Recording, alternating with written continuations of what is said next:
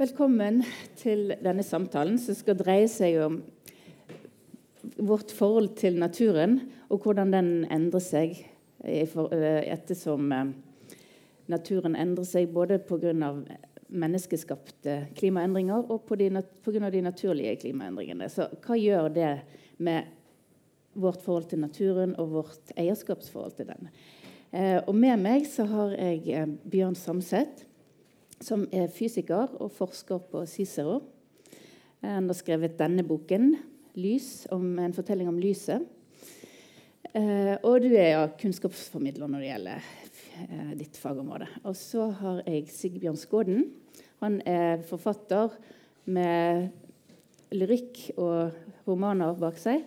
Og her ligger òg hans bok, 'Fugl', og Vi skal ikke snakke direkte om bøkene, men jeg kommer til å kanskje be dere lese fra dem når jeg syns at eh, temaene dere tar opp, der er relevant for samtalen.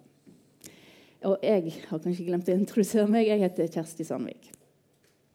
Eh, og så vil jeg gjerne begynne med deg, for du har sagt at du forventer at vårt forhold til naturen vil endre seg mye i årene som kommer, med knapphet på naturressursene.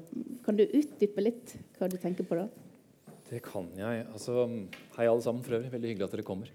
Um, vi har fått noen skikkelige bløtkaker i trynet de siste par årene.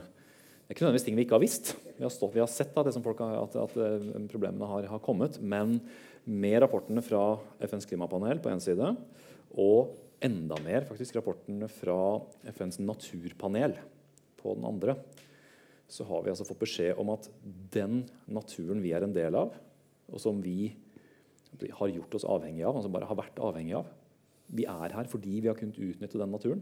Den er i så dramatisk endring på så mange fronter at dette er bare ikke bærekraftig.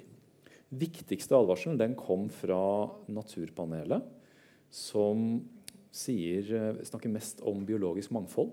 og sier at det er i endring, og i negativ endring. Altså i henfall på de aller aller fleste steder i, i verden. Det er snakk om artstap, det er snakk om tap av, av økosystemer osv. Så, videre. så har de en sånn plansje hvor de lister opp hva er grunnene til dette her. Da, altså, I min vanlige kommunikasjon så snakker jeg som regel om klimaendringene. Klimaendringene er det viktigste vi, vi, vi snakker om. Det påvirker alt osv. Og, så og så får du den plansjen der hvor du sier at ja, klimaendringene er der. De er med på å endre naturen. Men det er liksom én sånn smal liten bit av dette her. Hovedpåvirkningen på naturen den kommer fra meg og dere. Det faktum at vi har tatt hele naturen i bruk. Vi har fylt den opp med byene våre, vi har fylt den opp med jordene våre, med beiteland, med, med fabrikker, med skip, med fly osv. Det er ikke plass lenger til den naturlige utfoldelsen til den naturen som jo tross alt er grunnen til at vi er her i utgangspunktet. Men Hvis det er bakteppet, vil, vil vi ja. fortsette på den stien da? Ja, det, det, det, er da spørsmålet. For nå, nå, nå, har vi da kommet til det punktet at vi, vi ser at vi, vi møter en vegg. Vi har ikke klart å, å um, uh, stand, bremse i, i tide. Vi, vi, vokser så mye som vi bare klarer. Altså, den, ekle sammenligningen er som regel med en sånn bakterie i en sånn Petri-skål. Du, har, uh, du, putter inn et eller annet kan, på en sånn vekstsubstrat som bare kan vokse og vokse. og vokse. Den vil fortsette å vokse den, helt til den har brukt opp all, all næringsstoffene. Og Det er en sånn litt sånn skummel uh, sammenligning med, med, oss. Vi har sånn vokst til vi har fylt ut verden. Og Den eneste måten å gjøre noe med dette her på, er jo å redusere forbruket vårt. Og da kan du si at Enten så kan du ha en verdensdiktator som sier at nå skal du slutte å handle. Du får ikke lov å reise mer. Du må slutte å spise. Altså, vi hører alle hvor, hvor, hvor det, det, det, skjer ikke. Det, det, ligger ikke i vår, vår, menneskes natur. Så den eneste andre måten vi kan takle dette her på, om dette ikke skal gå helt på trynet, det er jo å endre holdningene våre og holdningene våre til naturen. Så naturen i seg sjøl må gå fra å være noe som bare er en ressurs, et matfat, noe vi bare kan ta og ta av, til grunnlaget for samfunnet vårt. Det er vi nødt til å forstå. Og det vil skje uten noe sånn eh, jeg håper jeg, form for revolusjon der vi Altså, det er jo det vanskelige, og det, det, det, det er det som gjør det, gjør gjør spennende. Altså, um, de eks eksemplene på at dette egentlig kan gå litt smertefritt. Okay, ikke smertefritt, forstå meg, forstå meg riktig, det har vært smerte underveis. Men at, at, det kan gå uten de kjempestore revolusjonene, de har vi egentlig rundt oss. Her sitter vi i dag og tenker at vi alle har ganske normale, politisk korrekte synspunkter, vil jeg tro, mm. innenfor en, en, en viss variasjon. Hvis dette hadde vært for 100 år siden, en sal hvor vi satt oss og diskuterte våre litterære bragder for 100 år siden, da hadde vi sikkert også følt at vi ehm, hadde korrekte politiske eh, standpunkter. De ville inkludert at kvinner definitivt ikke skal ha stemmerett. Homofili er en vederstyggelighet. Og en del andre sånne ting som i dag fremstår som ganske uspiselige. For De kampene har ikke vært smertefrie. På ingen måte. Men de er ikke vunnet, men de er kommet veldig veldig langt på de siste 100 årene. Og det har foregått uten væpna revolusjon, i hvert fall. Så vi sitter nok på noen holdninger i dag som om 50-100 år kommer til å fremstå som fullstendig uspiselige. Hmm. Spørsmålet er hvilke. Jeg er ganske sikker på at holdningene våre til naturen kommer til å være en av dem. Så kanskje, eh, tenker du Sigbjørn, hvis vi tenker at du representerer mer Du er, du er et urfolk sant, og urfolksrettigheter, så kanskje altså På den ene siden føler du at den måten å leve på er, blir mer trua når naturressursene blir mer knappe? Eller tenker du at kanskje det vil gå opp, flere, opp, for flere at det er en mer riktig måte å leve på, mer i pakt med naturen? Jeg tror som, eh, som uh, Bjørn at det er et tankskip som er ganske tungt å snu, og det kommer til å ta tid. Altså, altså, man, um, som man sier, så, altså, Jeg tror også at, at, om 50 år så vil en del av de, av de ledende holdningene i våre samfunn globalt, og for så vidt i Norge, eh, blir sett på som, eh, som veldig, veldig, gammeldags, men kanskje også, også, rett og slett forkastelig og, og, og menneskefiendtlig. Eller eller, eh, men, eh, men, spørsmålet er om, om, om det allerede er for sent om 50-60 år. At vi er kommet dit at, at, disse, at disse, holdningene er blitt så, så uglesett at, at samfunnet er klart til å klart å snu i større grad. Eh, men jeg tror, altså, altså når, det gjelder, når, det gjelder, når, det gjelder, urfolk, altså det største, det største Urfolk er jo, vil jeg jo tro, er, er tjent med, med at, at, den generelle befolkninga blir mer opptatt av bærekraft. Og, og, og mer opptatt av, av, en, av en, som, som Bjørn sier, mer, et mer organisk forhold mellom mennesker og, og natur. Da. Og, men jeg er jo kanskje en av dem som tror at det sitter ganske, ganske dypt, dette, dette, forholdet, eller, eller denne, denne, ideen, selv om man ikke har den, går rundt, går rundt med den helt bevisstgjort nødvendigvis, så er det, det, denne ideen med at mennesket står over naturen og er en, og er en forbruker. Så dette er jo vårt forbruksfat, som du sier. Altså det, det, det, er tilgjengelig for oss for at vi kan bruke sånn som vi sjøl vil. Og den, den, ideen er jo den mest utbredte i verden i dag, tross alt. og har har kanskje Jeg vet ikke når det skillet, skillet kom, men, men, det var vel et skille som til dels kom med, med, med inngangen til de store religionene. Hvor, ja, hvor altså, altså det guddommelige og mennesket som kobla til noe guddommelig over, over mm. naturen, utenfor naturen, og over sant, et slags mellomvern mellom, mellom Gud og det, den marka vi går på. Mm. Og da skal vi langt tilbake. altså Det er en, det er en det type holdningssett som er innarbeida i i mennesker gjennom tusenvis av år. Og som, og som kommer til å ta, ta, tid å snu. Så jeg er jo jeg er bekymra, for å si det pent. Jeg har skrevet bok som er ganske bekymra også. Ja, Vi skal uh, komme litt inn på eksempler etterpå. Men jeg tenker også, det som vi ofte hører òg, er jo at uh, mange mennesker er jo fått, født opp i så store byer at de aldri har vært noen nærkontakt med naturen. Og at for at vi skal forstå at vi må ta vare på naturen, så er det kanskje en forutsetning at du kjenner til naturen, at du vet hva du eventuelt eh, at du vet hva vi mister. Og det å være ute på fjellet er jo å være litt et øde sted. Det blir kanskje færre og færre eh, som opplever.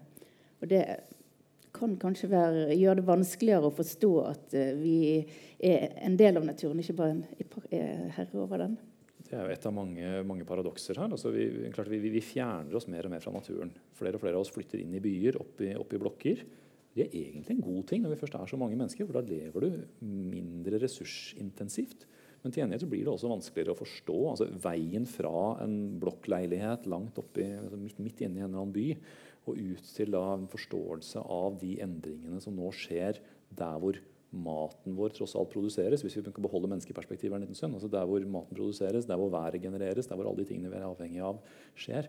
Og enda dypere ned enn det, hva som skjer med økosystemene som, som underligger det igjen. Det krever en voldsom utdanning. Det er jo en grunn til at grunnskolen blir lengre og lengre og tyngre og tyngre og vanskeligere og vanskeligere. For det er flere og flere ting vi må vite for å være gode, ansvarlige verdensborgere. Da tenker jeg også, Hvis jeg kan si noe om det, så tenker jeg når vi er inne på urfolk, så tenker jeg at, at eh, at uh, i urfolksbefolkningen så er, jo, så er nok denne, denne, denne, kollektive tanken om altså, den kollektive ideen om å leve bærekraftig er nok sterkere enn i de fleste andre samfunn. og Det kan ha forskjellige grunner, men at man ble, at man ble uh, senere knytta til, til stedfasthet osv. Og, så videre, og en del andre faktorer. Senere kristne enn mm. en mange andre.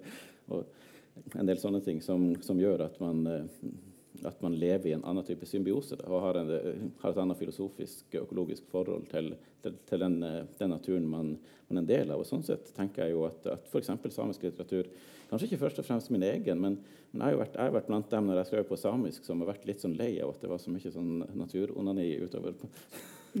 og tenkte, tenkte jeg skulle prøve å skrive noe annet. Men jeg merker jo når jeg skriver på norsk, og når det blir, når det blir Eh, når jeg skriver meg inn i en litt annen kontekst, så merker jeg hvor viktig det er å prøve, å, prøve å, å, å, dra inn natur- og landskapsperspektivet også. Eh, men jeg tenker f.eks. En forfatter som, som eh, Nils Aslak Valgapää, som har vært død i snart 20 år, er, er, kanskje enda mer aktuell i dag enn, enn han var, var, for da han sjøl levde. For det at utviklingen kommer dit vi kommer og man trenger en altså den typen, den typen dyp forståelse som hans kunstnerskap eh, formidler til natur, er tror jeg er viktig og eh, kan være en viktig brikke å forsøke å, reetablere et forhold til, til natur for, for, andre også. Og så er det jo et poeng også at unge, den unge klimabevegelsen i, kanskje i større grad begynner å koble seg på urfolk. I går eller i overgår, kanskje, det var kanskje på 6. februar, altså samenes, samenes nasjonaldag, så var um, Greta Thunberg på den tradisjonelle samiske marknaden i Jokkmokk og hadde et arrangement sammen med samiske ungdommer der. og, og eh, på en måte koble seg på den, den, eh, ja, den samiske kampen er jo, er jo, kanskje primært lokal mot gruve, gruveetablering osv. Ja, men, mm. men det er jo også en, en global kamp. ikke sant? Mm. Man ser jo utover, utover, sine egne beitemarker og sine egne fiskeplasser. Men jeg tenker det er jo kraft... Altså hvis, eh, hvis det er rike mineraler der eh, samene har holdt til, så er det jo, skal det ganske mye til for at ikke det blir utvinning av ja, og gruvedrift. Det er jo veldig sterke krefter som presser på for å Vi trenger jo mineraler til alle de, de der eh, tingene vi, vi, vi, har med oss, eh, telefonen og alt sånt. Det er, det er, jo paradoks, altså det, det, er jo litt sånn paradoksalt. og det, det som er Samer er i den heldige situasjonen på en måte at vi har ingen tilgang til noe økonomi. egentlig. Altså Vi har ikke noe kollektiv økonomi bortsett fra den som vi får fra Norge. Vi, vi, vi, vi, kan ikke kreve skatt fra den samiske befolkninga. Vi Sametinget får en del penger, og en del andre institusjoner, og dem kan vi bruke. Men ellers så har vi ikke noe sånn kollektiv Vi har ikke noe ansvar for, for, å, for, å, drive en økonomi. og sånn sett stiller man seg kanskje, Det, det må man si, i en heldigere situasjon. og Så kan man være et, være et friere talerør ut fra det. Det som er interessant, er jo når man ser urfolk f.eks. i i USA, hvis man ser på Navajo-indianerne, som har et enormt, enormt reservat med et USA, enormt, men i hvert fall stort, mm. ja, eh, med 200 000 eh, innbyggere, hvordan, hvordan eh, altså, Og de har et ansvar for sin egen økonomi. Og det er interessant hvordan de debatterer uran, urangruve eller ikke, eller ikke i sine landområder, så klart. Sånn at, sånn at, man skal ikke være naiv i forhold til oss oss urfolk heller. Og, og, eh, vi er også mangfoldige. Men, men, per i dag er jo, er den samiske stemmen veldig fri. Man har ikke noe ansvar for, for å drive det der økonomiske hjulet. Derfor kan man, kan man, også helt fritt stå og være en sånn en, mm. ja, noe som er verdt å høre på i disse Men hvis disse tenker på Temaet for den, denne festivalen er jo hverdag. Så hvis vi litt sånn, ser litt fram i tiden igjen med vi blir flere og flere mennesker og flere og flere ønsker og har på en måte krav på å ha like god levestandard som vi har her eh, i Vesten. Uh, hvordan blir hverdagen da? Så blir det eh, Du nevnte e-mailet litt, du nevnte at kanskje vi må på en måte utnytte hver kvadratmeter av jorden på en, mye, på en mer effektiv måte. Så blir det, det blir litt sånn plan. Dette er eh, eh, si, miljø- eller eh, naturvernernes paradoks for tiden. For at egentlig så er jo tanken at eh, vi eh, bør, eller kan, la naturen gå litt tilbake til seg selv. Verne større områder. Så la, la naturen styre med det, det, det naturen kan. Trekke oss inn på, på våre områder. Kan utnytte de ressursene vi trenger, men ikke mer og på en måte som er i, i, i pakt med naturen. Men så går det og, går det og ser. Da. Det var det ene stedet hvor jeg, hvor jeg, tok med noen tall. For dette her fikk, det fikk vi fra, fra uh, FNs klimapanel sin uh, naturrapport. Det er for så vidt kjent, uh, kjente tall, men den kom fra, fra IPCC-rapporten som kom i, i fjor. Hvor mye av denne planeten har vi egentlig tatt i bruk? Vi har landområdene er omtrentlig 130 millioner kvadratkilometer. Det høres ganske mye ut. Hvis vi ser på byene våre og veiene og alt som kan kalle infrastruktur, samfunn, så er det ca. 1% Det er fint. Det høres ut som vi har relativt mye mye å gå på. Vi må se litt videre. Landbruk, å skaffe oss mat, det dekker ca. 12 okay. Beite enten direkte beite, eller, altså intensivt eller ekstensivt beite. altså Enten der dyrene bare går fritt, eller der vi virkelig har anlagt beitemarker. Til sammen 37 Godt over en tredjedel av hele jordas landareale bruker vi til beitedyr. Så har vi skog, også viktig. Veldig, veldig mye positiv utnyttelse av, av, skog. Det er forstått natur, natur også, men skog som vi enten direkte eller indirekte driver på en eller annen måte, og regnet da økonomisk inn i våre, eh, våre kalkyler. 22% Da sitter vi med en rest på 28% Av dem så er 12, så er 12 eh, av jorda er ødeland. Altså Sahara, f.eks. Som dessverre ikke er særlig, ikke er særlig, særlig, særlig nyttig. Eh, og så er det henholdsvis 9 og 7% av urørt skog og urørte økosystemer. Så da er du nede på en 15-16 eh, litt av hvordan du regner det som er liksom de urørte delene av naturen i dag. Og resten har vi allerede tatt eierskap til. Og Da får du det paradokset at hvis du skal verne dette her, altså Enten så må du gå og ødelegge noens økonomiske ressurser. Bare si at Dere får ikke lov å drive den virksomheten dere gjør. på en eller annen måte. Det vet vi jo åssen går. prøver å si det. Eller så må vi gjøre det stikk motsatt av det vi sa i stad.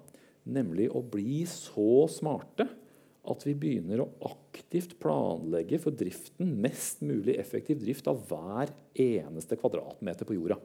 Finnmarksvidda er mest nyttig i et globalt perspektiv til akkurat sånn og sånn. og sånn. Da er det det som må skje der. Og Så får vi heller balansere det med regnskogen i eh, Brasil og matproduksjon i sentrale deler av Afrika. eller noe, eller noe sånt. For Det er liksom det eneste som går opp. Og så ser vi på budskapene som de forskjellige panelene kommer med. Da. Det, er, da det virkelig begynner å bli vanskelig, dette her. Eller spennende, alt ettersom. Fordi FNs klimapanel, som er der jeg pleier å komme med budskapene til vanlig, sier at vi må få ned CO2-konsentrasjonen i atmosfæren. Og vi må slutte å bruke olje, kull og gass. Da trenger vi biobrensel. er i hvert fall én mulig løsning.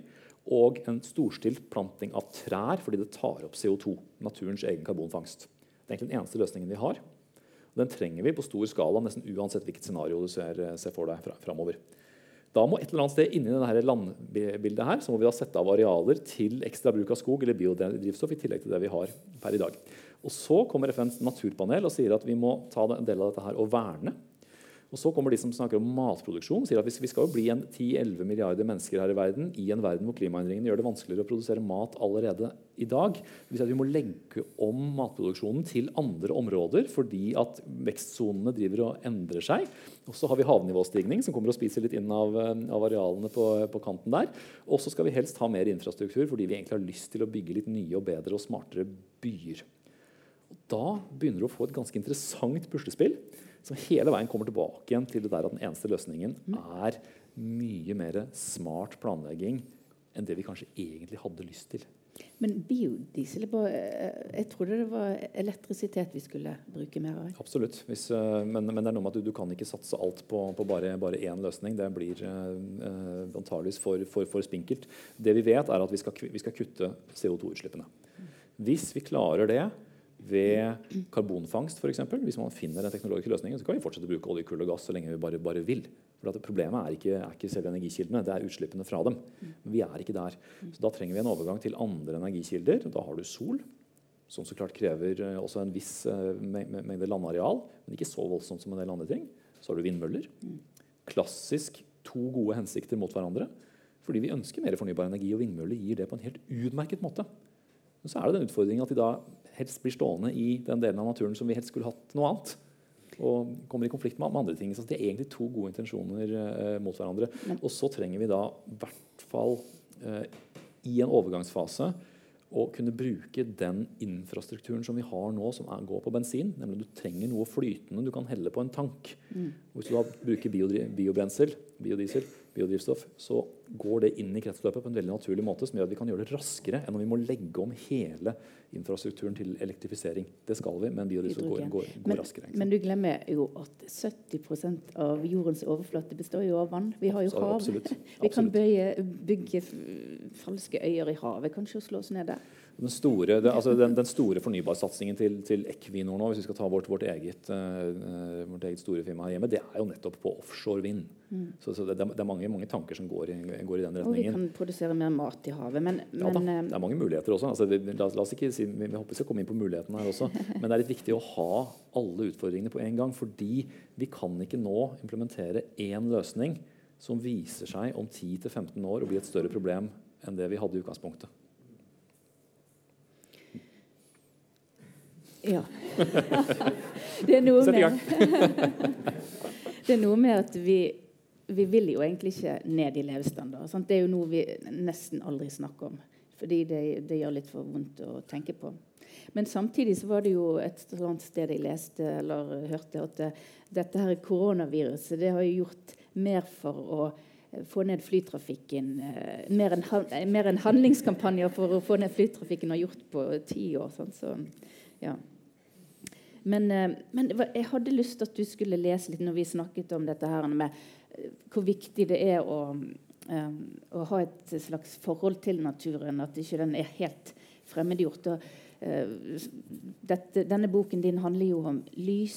Sant? Og, um, det er jo noe som heter lysforurensning, som vi driver veldig mye med. Og veldig mange mennesker har aldri sett en stjernehimmel. Så jeg har bare lyst til at du skal lese hva de gjorde med deg og ditt yrkesvalg når du så stjernehimmelen i sin fulle utfoldelse som, mm. som liten. Dette er en av anekdotene fra, fra den barndommen som man krydrer, krydrer boka med. Man har litt, litt personlig også. En sen høstkveld i 1985 sto jeg ute i et skogholt nord i Trøndelag. Året før hadde vi flytta fra Oslo, og jeg hadde bodd alle mine syv år, og nordover til Høylandet. Bygda hadde 1500 innbyggere spredt over store områder, så livet der var ganske annerledes enn i en blokk ved et evig trafikkert kryss på Kalbakken. Det var mye nytt for en bygutt å ta inn, og derfor tok det meg litt tid å oppdage en av de virkelig fantastiske aspektene ved min nye tilværelse uhindret utsikt til stjernehimmelen. Trønderhimmelen på 80-tallet var til å miste pusten av. De få stjernebildene som jeg kjente, Karlsvogna, Orions belte og Cassiopeia, var knapt synlige. I stedet var hvelvingen fylt av en myriade av små, lysende prikker, for smaket å nå ned gjennom den glødelampebelyste forurensningståka i Oslo-gryta. Og gjennom mylderet strakk det seg ut noe jeg til å begynne med ikke forsto. Et diffust, gråhvitt bånd fra horisont til horisont som var milliarder bitte små stjerneprikker tett i tett. Melkeveien. Vår egen galakse. Sånn ser den ut når vi titter innover mot sentrum fra hjemmet vårt på en planet et godt stykke ut i en av de mektige spiralarmene. Jeg nevnte det fascinerende båndet av stjerner for mine nye venner. De bare så rart på meg. Dette var jo helt vanlig. Vant som de var til fullstendig mørke om kveldene, forsto ikke de hvor revolusjonerende det var å få hele universet ned til seg på den måten. De var heldige. Det var jeg også, som fikk anledning til å oppleve himmelen for første gang. I dag må vi langt fra sivilisasjonen for å finne noe tilsvarende. Selv dypt i den norske fjellheimen bor de fleste av oss i hyttefelt hvor innlagt strøm er vanlig, og lys hele døgnet er eh, regna som et hyggelig tegn på at naboen også er på hytta. og med den så kan vi jo bevege oss litt ut i verdensrommet. Du, Sigbjørn, du har jo skrevet en bok og, eh, en slags eh, ikke, Kanskje en dystopi over, som en reaksjon på, på, den verden vi lever i i dag. Altså at her blir det forfulgt på jorden. Så en gruppe mennesker tar da og bosetter seg på en annen planet. Og ja, Så kan man jo lese mer om hvordan det går, da. Men, eh, men kanskje du òg leser litt fra denne Jeg tror det sies side 29 i boken din de, eh, hvordan det er. Og, og, og, dette er en planet der de ikke har lyd. Ja, det er jo en del. det jo en, jeg har jo, jeg har, Når jeg skulle skrive om en annen planet og framtida, så tenkte jeg jeg skulle gå istedenfor å gå kunnskapsrikt til, til verks, så går jeg totalt kunnskapsløst til verks. Og så plasserer jeg noen, noen mennesker i en planet som er mer allegorisk enn reell vil jeg tro, iallfall ut fra en fysikers fortolkning. Men at, men at det handler om, handler om, å skape en del allegoriske rom, og at, og at ja, de rett og slett er på en planet som de ikke har forutsetning for å forstå. Og, men det, planetens første mor har forstått at hun har, har satt et barn til, til den planeten, og, og, som hun selvfølgelig vil skal ha i framtid. Så på den planeten heter Eller de kaller det for Heim? De kaller planeten for ja. Heim, ja. For det skal, skal jo være en slags heim for dem. Og dette, det, det, boka er på en måte delt i to mellom to, to forskjellige tidsplan.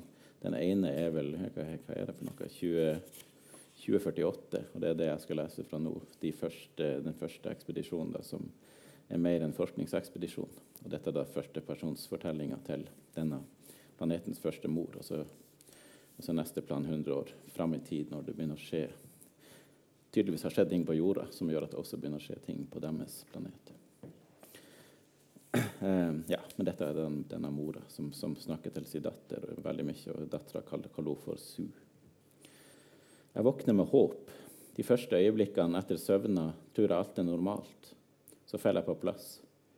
Heim er et sted som ikke gir, det tar. Alt vi gjør, er gjentakelser, en spiral som dreier og dreier, men ikke leder noe sted. Allikevel blir vi med den, kanskje fordi vi tror den en gang skal lede oss til noe godt men mest fordi vi ikke har noe valg. Om vi ikke fortsetter å gå fremover, hvem er vi da? Jeg setter meg opp i senga, ser ut på alt det røde. Fremtida er en umerkelig erosjon som sliper oss ned til svake omriss av dem vi en gang var. Su vokser. Hver morgen spiser hun blandinger. Vi lager henne.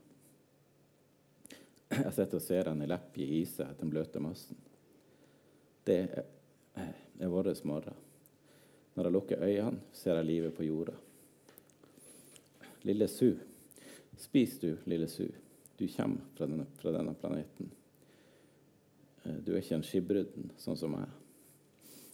Jeg er en, jeg er en to år gammel sønn sjøl. Men det er jo eh, Takk. Derfor, um, derfor jeg blir litt Men den boken altså, Flere ting der som er veldig annerledes med jorden, selvfølgelig. Men eh, først uh, Er det realistisk at, det, ja, at vi kan uh, slå oss ned Har vi en planet B hvis vi roter det til for mye her? Først må jeg si, altså, det, det, er klart, Realisme er jo ikke poenget. Altså, jeg, jeg satte veldig pris på den boka. Må, jeg virkelig si, for den, den tar Jeg elsker jo science fiction-historier. Det har jeg alltid gjort. Men som fysiker har jeg en tendens til å vurdere science fiction-historiene ut fra hvorvidt forfatteren har liksom forstått det naturvitenskapelige og representert det på en god måte. For det er det er liksom sjanger, det er hard science fiction.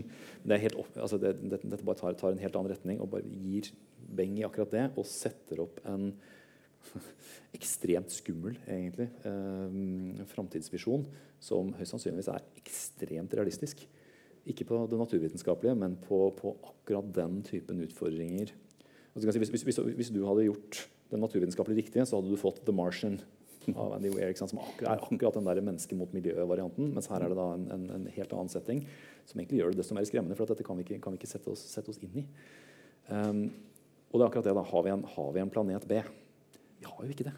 Altså, vi, vi, vi, vi, har Mars. Og, derfor, og, og, og, der er det laget mange forsøk på å tenke hvordan kan vi Ehm, hvordan kan vi eh, prøve å kolonisere? Hvordan ville det vært hvis vi hadde oppdaget nå at vi måtte av denne planeten i løpet av 100 år? Ti år blir for lite, det klarer vi bare ikke. 300 år blir for langt. Da har vi ikke perspektiv på det. 100 år, da kunne vi satt i gang en sånn mad dash for å komme oss opp dit og se om vi kunne redde stumpene. i, i hvert fall. Og, og, den boka 'The Martian' som, den tar det på en veldig god naturvitenskapelig måte. Liner opp. Vår egen Erik Newt har kjørt, liksom, han, han, på, har han på Facebook, så har jeg sett han, han har prøvd disse her eksperimentene å dyrke Mars jord og sånt hjemme. Det gikk forferdelig dårlig, selv, selv, selv her på, på, på jorda. Men det er informert av det vi vet nå, det vi tror vi ville møte. Og det er som å være på det nivået som disse menneskene var på før de reiste til denne heim. Og da helt tydelig, så kan jeg ikke avsløre for mye om boka di, men, men, men oppdager jo da helt, helt andre ting enn de forventa. Og havner i en situasjon som, som bare blir noe ja, som, som, bare ikke har forutsetning for å, for, å, for å, takle.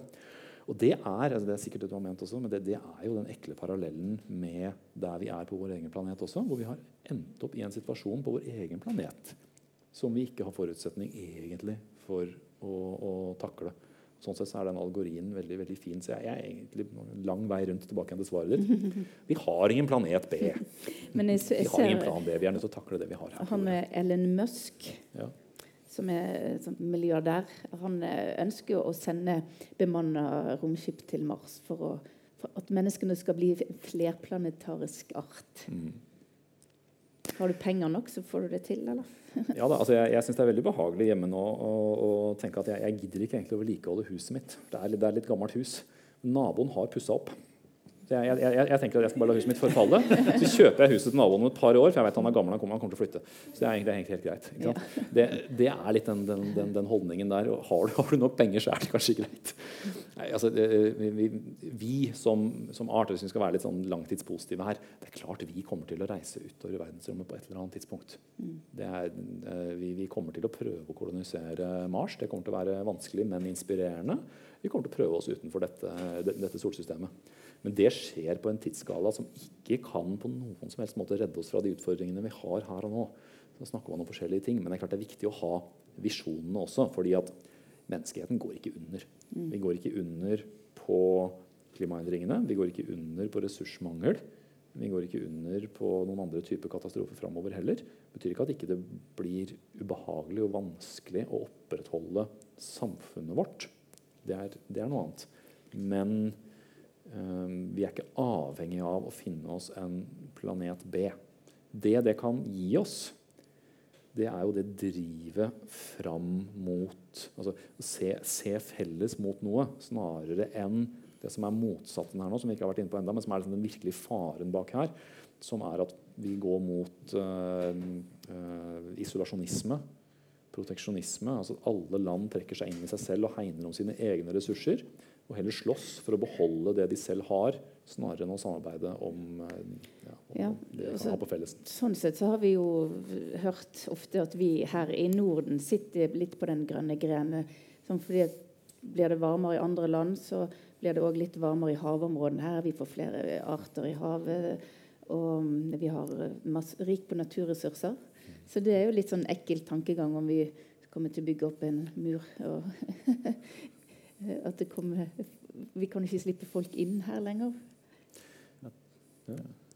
Jeg tror Når vi snakker om, om, om, kolonisering av planeter, så tror jeg denne planeten er mye, mye greiere å kolonisere enn enn å drive reise til Mars og prøve å gjøre noe der. Man kan, heller, man kan heller kolonisere denne planeten på en eller annen måte. Men da er det jo snakk om, som, du, som dere begge er inne på, det er noe for de få. da. Det er ikke noe for de sju eller ni eller elleve milliarder som vi kommer til å bli. De, de, de fleste av de milliardene må må bli borte, og så kan, kan, en, kan en, mindre gruppe kolonisere den, denne planeten og leve, leve, videre på den. Mm. Lettere enn å kolonisere Mars, f.eks. Mm. Ja.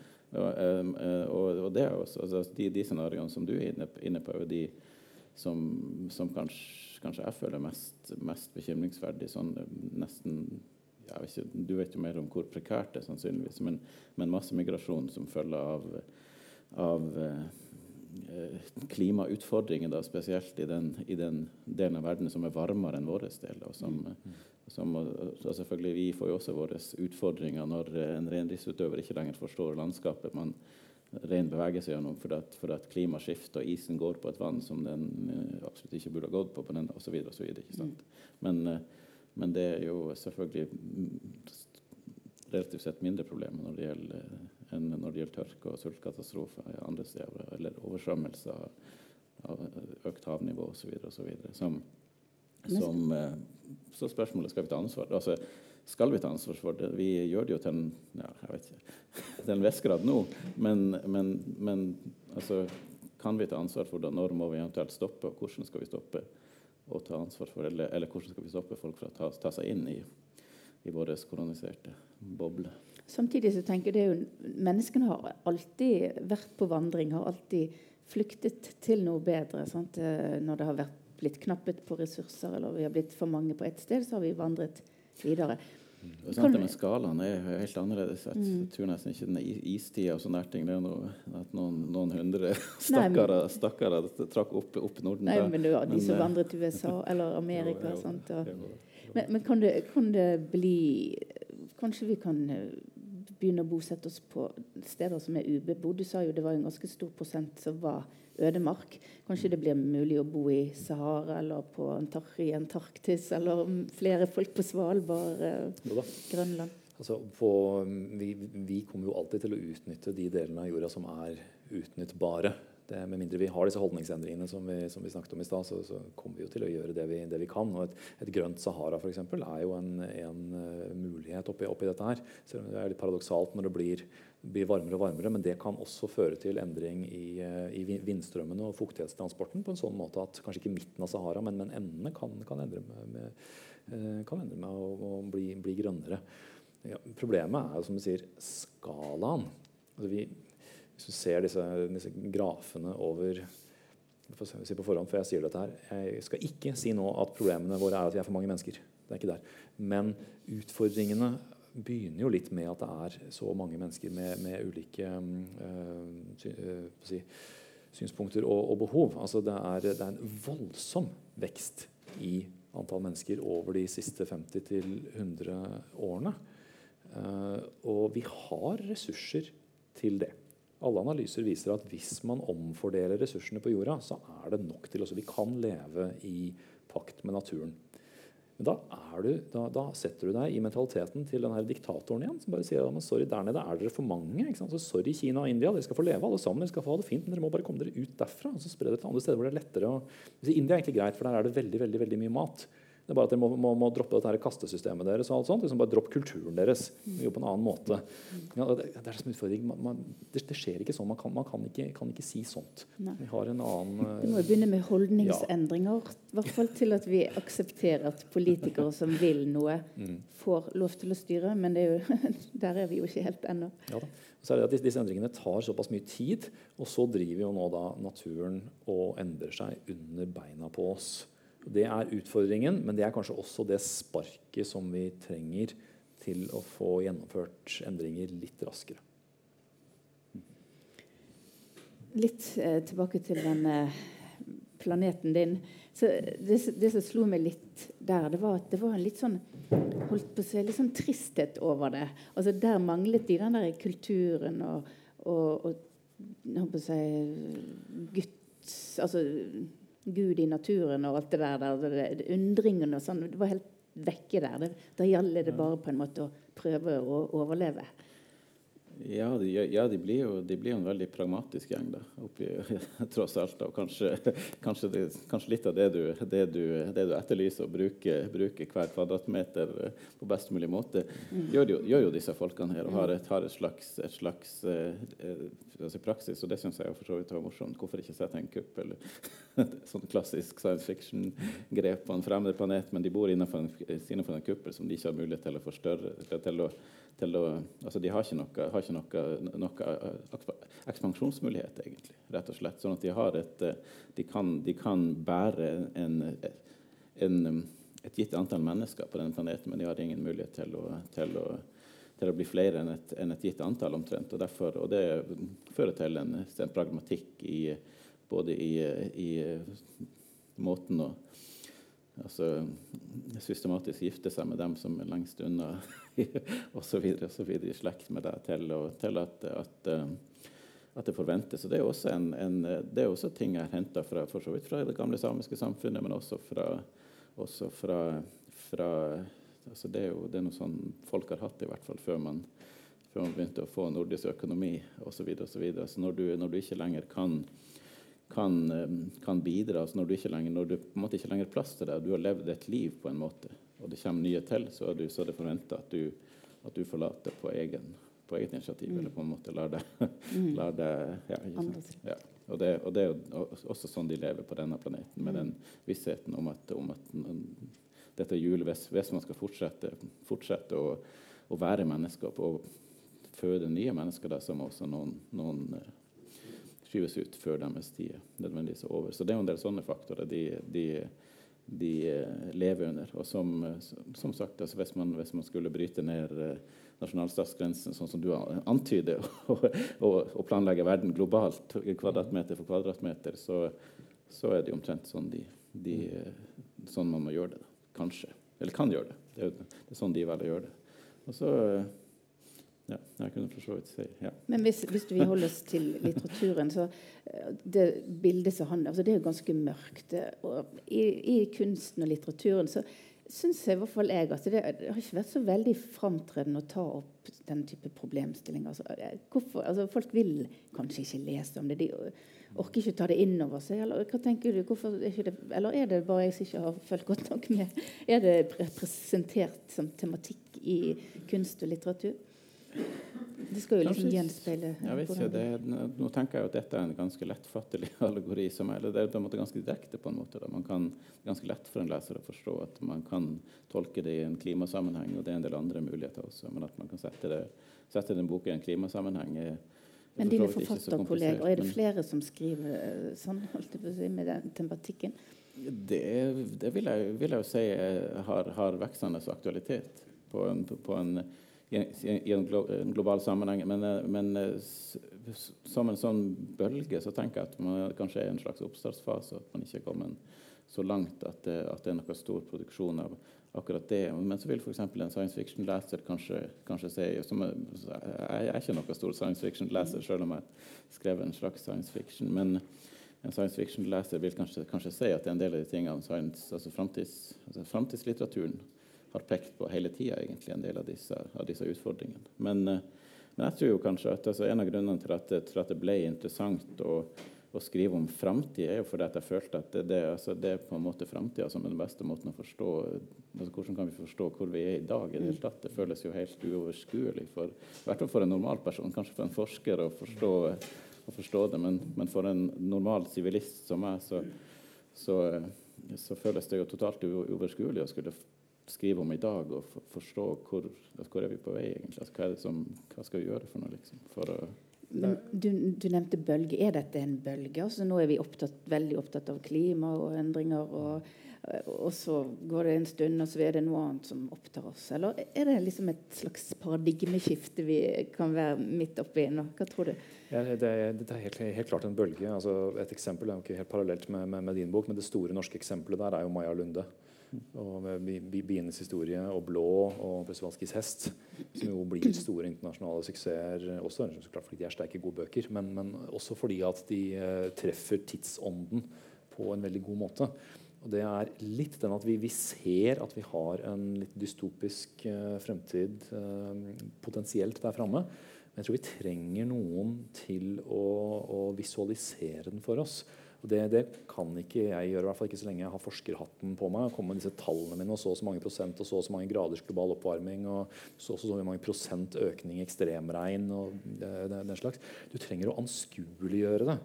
Så når du har da, altså i, i, begynnelsen av bienes historie, i Maja Lundes bok, hvor du, hvor du har disse folkene som, som eh, henger oppi et, oppi et tre og, og håndpollinerer blomster, f.eks veldig sånn håndskuelig. Hva, hva, skjer når biene ikke er der lenger? Vi fortsatt må ha maten. De er nødt til å gjøre det sjøl. Og, og, og, trær er ikke maskinelle, så da må du ha da, de minste og letteste barna som klatrer rundt oppi, oppi treet og liksom sitter der med q-tips og legger liksom de dyrebare pollenene inn på hver. Det er en anskueliggjøring av den fremtiden. Kan, vi, vi, vi, ender jo så klart ikke opp akkurat der. Det er ingen fremtidsscenarioer som blir akkurat som man, man, som man ser for seg, men, men, det er en veldig god uh, si, advarsel om hva som kan skje hvis vi ikke, hvis vi ikke snur. Jeg, jeg, tenker at dette er en, en, en bølge. Jeg sliter litt med å finne et annet eksempel, men jeg vet jo også at dette med Du, du har valgt, du sa, sa du sjøl også, at man, man, Ikke en maks alder, men et maks antall mennesker. Når det er flere enn det, så innser man sjøl at nå er min tid over, og så finner man en vei, en vei ut. Jeg har ikke sett akkurat den før, men jeg har lest tilsvarende, altså hvor, hvor du virkelig har en, en maksalder. Eller kanskje et, et, et, grep som at man du, du, slutter med intensiv care. Så hvis noen er syk nok til at du virkelig trenger oppfølging, så sorry, men da, da velger vi å, å, avslutte det der fordi det er for mange mennesker. Altså det, det, er også sånne litt sånn dystopiske eh, grep. Men det tenker jeg også er en litt sånn trend, for den, den ligger veldig i ryggmargen vår. At vi skal forlenge livet. Vi skal forlenge vår egen tid på denne jorden og den plassen, egentlig, den plassen vi tar, så lenge som overhodet mulig. Det, det, er der vi er. Det er grunnholdningen, i hvert fall her i, her, her i, Vesten. Og den ser jeg også en del forfattere når jeg leser også science fiction, som problematiserer noe. Og det er kanskje litt viktig. Men når jeg, mente, når jeg sa bølge, så tenkte jeg på også, vi folk. Altså, er det en bølge at vi nå er veldig eh, bekymra for klimaet og for vår egen framtid og jordens framtid? Er det en bølge som vil gå over? Vil, vil, eller vil vi på en måte vil denne her oppmerksomheten som jeg syns temaet har, da, vil det føre til varige endringer? Jeg leste nettopp at uh, eller var det noen, ja, at uh, Unge mennesker de vil ikke uh, utdanne seg innen oljenæringen, f.eks. Altså, de vil utdanne seg innen ja, mer alterne, altså miljøvennlige det er et rent rått fornuftig valg, egentlig. At de, de, unge ser hvilken vei det går. Altså, de, de, de, skal ha et bra samfunn å leve i, men de innser at energiformene kommer til å være, være noen andre. Altså, ikke, ikke, ikke, bare vil det ha en effekt, det har en effekt. Det skjer så mye rundt i verden nå. altså på en ting er på, på, på finanssiden. Jeg og snakka med, med, Finans Norge for, for, ikke så lenge siden, og de er helt klare på at grønn finans er det som, det som teller nå. Mm. Så de store penga er jo med på dette her. Du har økningen i fornybar energi. Den er voldsom. Problemet med den er bare at den kommer på toppen av all annen energibruk. Så utfordringen er å redusere olje, kull og gass samtidig som altså sånn at eh, fornybar energi ikke bare kommer på toppen i ekstra, ekstra, forbruk. Men der skjer det så mye. Og det kommer jo som en følge av nettopp denne bølgen her, som er den forståelsen i, eh, i, i naturen. Altså jeg ble klimaforsker for bare ti år siden. Og Da drev vi fortsatt og sloss med liksom, jo dere, det er klimaendringer. De er pga. oss. Vi er nødt til å gjøre noe med dette her. Den ja, det eksisterer skeptikere fortsatt i dag, men det er mer en kuriositet. Altså det, du kan gjerne ha disse diskusjonene, det, det har vi til stadighet. For det er alltid nye mennesker som skal, som skal, forstå dette her, og det er helt greit. Men det er ikke der vi er nå. Nå er det hvordan løser vi dette på mest mulig konstruktiv og raskest mulig måte, sånn at vi skaper færrest nye problemer underveis. Det er et helt annet spørsmål, og det er en del av denne, denne, denne bølgen. Men dette er ukjent jord for oss alle. Og for å komme tilbake til det. Derfor er det så viktig med nettopp den framtidslitteraturen. Å hjelpe oss å se hvor kan vi være i 2050, hvor kan vi være i 2100. Vi må jo sikte nå, ellers så blir dette helt ukontrollert. Skulle du du lo litt når han sa grønne investeringer, eller? ja, jo, jo, jo, jo, for så vidt. Altså, det er jo for så vidt en av de, de, såkalte altså, det, som er, det som er problemet med økonomer, og økonomer snakker, det, det er for så vidt fint at de, man, man, glir over på, grønne, på at grønne er det nye. Men det som er, det som er det gjentagende problemet, er jo at økonomi, økonomisk forståelse moderne sammenheng i hvert fall alltid handler om vekst. Og at grønne, det grønne skiftet også handler om vekst. Det handler bare om at man skal vokse på, på, en grønn måte. Og det er vel kanskje hovedproblemet. At, at man, som du også var inne på, er normale mennesker i Norden f.eks. Er vi innstilt på, på, å senke levestandarden vår i, i særlig stor grad? For eksempel. det er jo en del sånne spørsmål som vil, vil bli eh, presserende. Og så er det jo interessant med finans også. Så det en ting er jo at, eh, at man snakker om, om eh, om destabilisering av nasjonalstatssystemet. Men, men, men, hvis man fortsatt har en, har en global, global, kapitalistisk økonomi, så er, jo, så er det kanskje andre, andre konstellasjoner som vil, som vil ta, ta, kontroll på, på, ressurser i større grad. Og det ser man kanskje mer i andre land enn, enn hos oss. F.eks. hvordan hvordan det kommersielle markedet, markedet styrer vannressurser i Australia, f.eks. Hvor, hvor, hvor, en bonde kan stå og se på ei elv som renner forbi gården hans, men har ikke lov til å hente vann til å vanne. Og de har jo tørkeproblemer. Det er litt varmt der for tida. Har jeg skjønt. Litt skogbranner og litt sånne ting.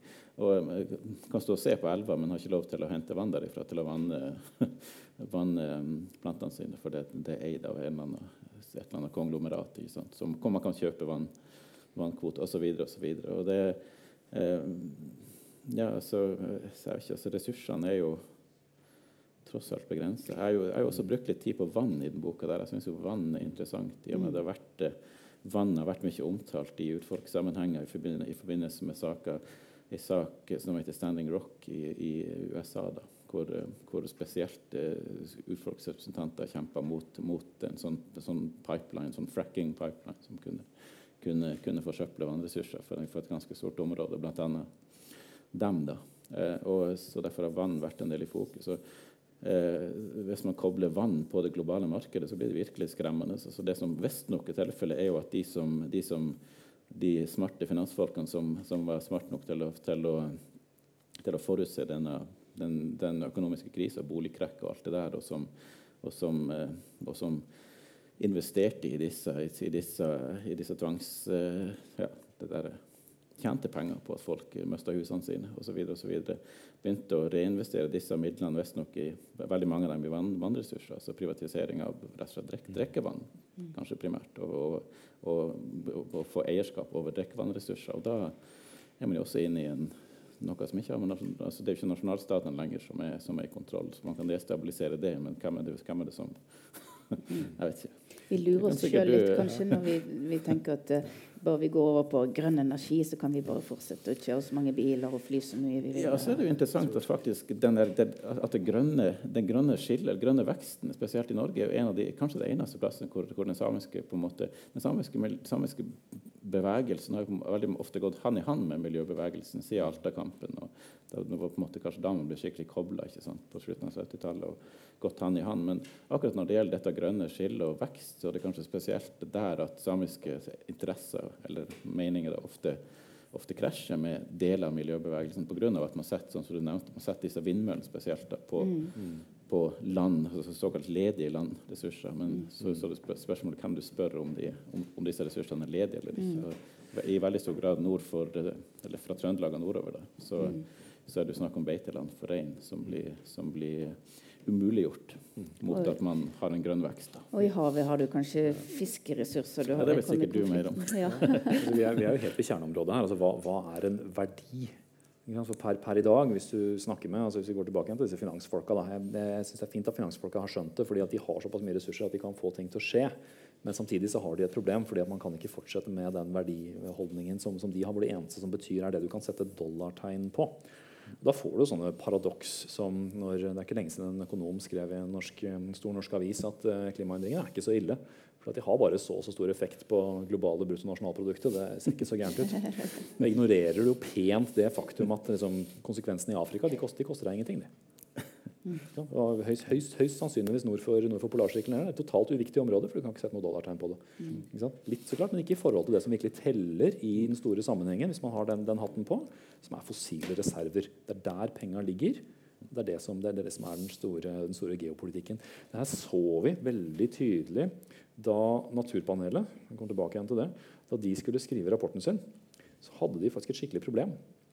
Fordi de, disse rapportene de er bestilt av eh, internasjonale policymakers som alle har dollartegn i, eh, i, øynene.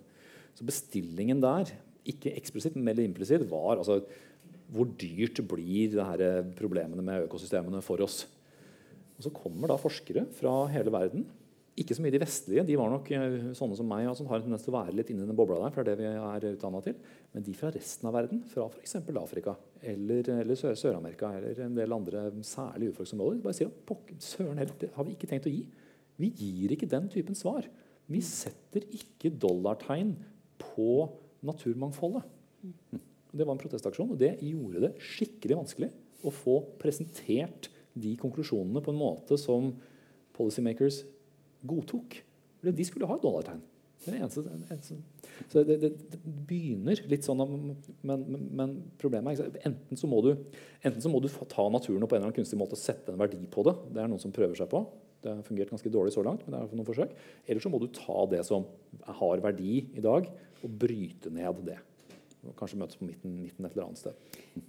For til tross for at vi, vi jeg, seiler vår skute på grunn, så er vi jo menneskene er jo de eneste som kan løse problemene vi skaper for oss sjøl òg. Um, men som fysiker så må jeg bare den boken din syns jeg var masse beskriver masse flott, og jeg skjønner hva jeg leser, men jeg skjønner jo ikke fysikken. holdt jeg på å si. Men kan ikke du si litt om det der, hvis du tenker litt sånn framtiden? Du skrev at på havet så ser vi at vi kan seile på vinden. Men så er det noe som heter solvind òg. -hmm. Fortell litt om det. Dette, dette, er en bok om, om, lys i alle dets former og alle dets egenskaper. og egentlig litt hvordan lys har brakt oss gjennom hele vitenskapshistorien fra liksom den første hvis du tar, tar stearinlys, hva alle greiene som foregår der, og fram til å brukes i teknologi. Og også da inn i framtiden. Jeg, jeg, jeg, har vært tro på at vi kommer til å kolonisere andre deler av, av, universet. Jeg tror ikke vi kommer til å mm, kjøre Vi kommer ikke til å bruke raketter opp dit. Uh, man kan bruke kjernekraft et, et, et stykke. Oppe i verdensrommet er det supereffektivt inntil et, inntil et visst punkt. Men det kommer en grense der også hvor du trenger litt ekstern hjelp. Og Der har vi jo en sånn ekstern hjelp. Det blåser en vind fra sola hele tiden. Veldig veldig svak. Det er en del partikler som flyr ut her, men det er lyset. Lyset sjøl. Og det viser seg, altså, hvis, du, hvis, du, holder en hånd mot, uh, mot et stearinlys, så kjenner du at det er varmt. Men hånda di blir ikke akkurat trykka tilbake fra det stearinlyset. Hvis det stearinlyset hadde vært kraftig nok, og hånda di hadde vært svak nok og liten og tynn nok, så ville faktisk det skjedd. Det er en kraft i lyset i seg sjøl. Lyset har en energi. Lyset Okay, jeg avslører mitt eget sentrale punkt i boka. Lyset er energi. um, det blir ganske klart helt fra starten av hvis dere, hvis dere ser på det. Og det dytter altså det, Den energien det må, det må, gå et eller annet sted. Det må, det må, skje noe med den. Og den fanges opp, kan fanges opp av et solseil, som vi rett og slett kan bruke solas stråler til å seile utover i verdensrommet på en også, jeg vet ikke om man kan kalle det miljøvennlig måte ut i verdensrommet, men en, en, en, ja, en kos, kosmologisk, kosmosvennlig måte. Solseil. En solseil. Det er en veldig vakker fremtid, og det tester man i dag. De, er, de, de fungerer. Det er vanskelig å bruke, og det går sakte. og alt det der. Så er de japanerne vært ganske på'n på å teste disse, disse solseilene. Så det er helt klart, om ikke neste generasjons romteknologi, så kanskje den deretter. Mm. Og sommerferier på Mars for de som har, og månen for de som har. Det leste jeg òg en sånn notis. En japansk eh, milliardær som søkte en partner til å være eh, med på månen, tror jeg det var. Mm. Mm. Ja. Det, er, altså, det, fine med det er at da kan noen av de menneskene som har ekstremt mye penger, putte litt av de pengene inn i den teknologiutviklingen som trengs for å, for å få det til. Så får man noe godt ut av det. Så driver du litt næringsvirksomhet og gir du folk jobber. det, er, det er for så vidt helt greit. Så får han gjerne sende noen snaps tilbake fra månen. Det er greit. Jeg har jo flydd hit, jeg også. Så. Jeg har jo flydd hit, jeg også. Så. Ja, ja, du har jo det. Yes. Nei, men veldig spennende. Men vi må avrunde.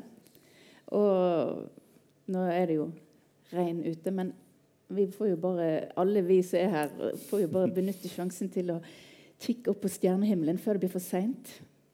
Og se på universet der ute. Mm. Takk for at dere kom, og takk til dere. Takk.